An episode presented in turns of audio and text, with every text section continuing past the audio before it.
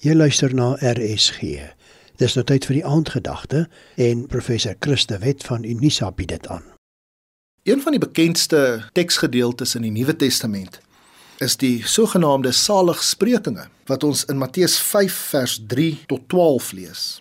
Dis wonderlike tekste, wonderlike verse wat begin geseënd, geseënd, geseënd of gelukkig waar Jesus vir ons vertel wat dit eintlik beteken om gelukkig of geseënd in hierdie wêreld te hê. Eintlik wat dit beteken om 'n goeie lewe te hê.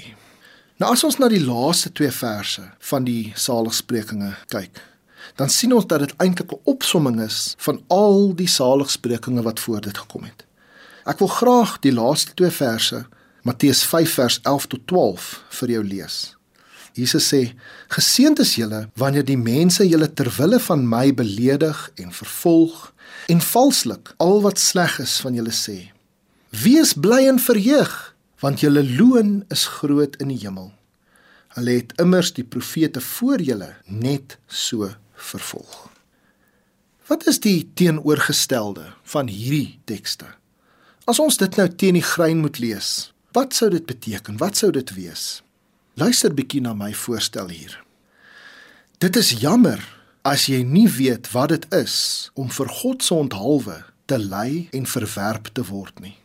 Want dan het God se storie nog nie deel van jou storie geword nie. Is dit nie interessant as 'n mens dit so in die teenoorgestelde lees nie? God se storie is nie altyd maanskyn en rose nie. God se storie vra vir opoffering. Jy gaan ly, jy gaan treur, mense gaan jou miskien soos hulle sal sê 'n loser noem. Dis wat al hierdie saligsprekinge voor hierdie twee verse vir ons sê. Geseënd is die sagmoediges, geseënd is die wat treur, die vredemakers, die wat honger en dors vir wat reg is, die barmhartiges. Dis alles waardes wat in hierdie wêreld nie altyd waardevol geag word nie. Maar ons moet onthou, ons koninkryk is nie hier nie ons waardes moet nie dieselfde wees as die waardes van wêreldse koninkryke nie. Want wat wil wêreldse koninkryke doen? Hulle wil mense beledig, hulle wil mense vervolg, hulle wil mense valslik aankla. Maar God sê as ons doen wat hy wil hê ons moet doen, dan moet ons bly wees, want ons het 'n groot loon in die hemel. Ja, om die waarheid te sê, die hemel self is die loon.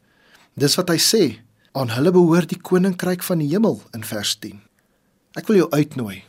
Maak God se storie deel van jou storie.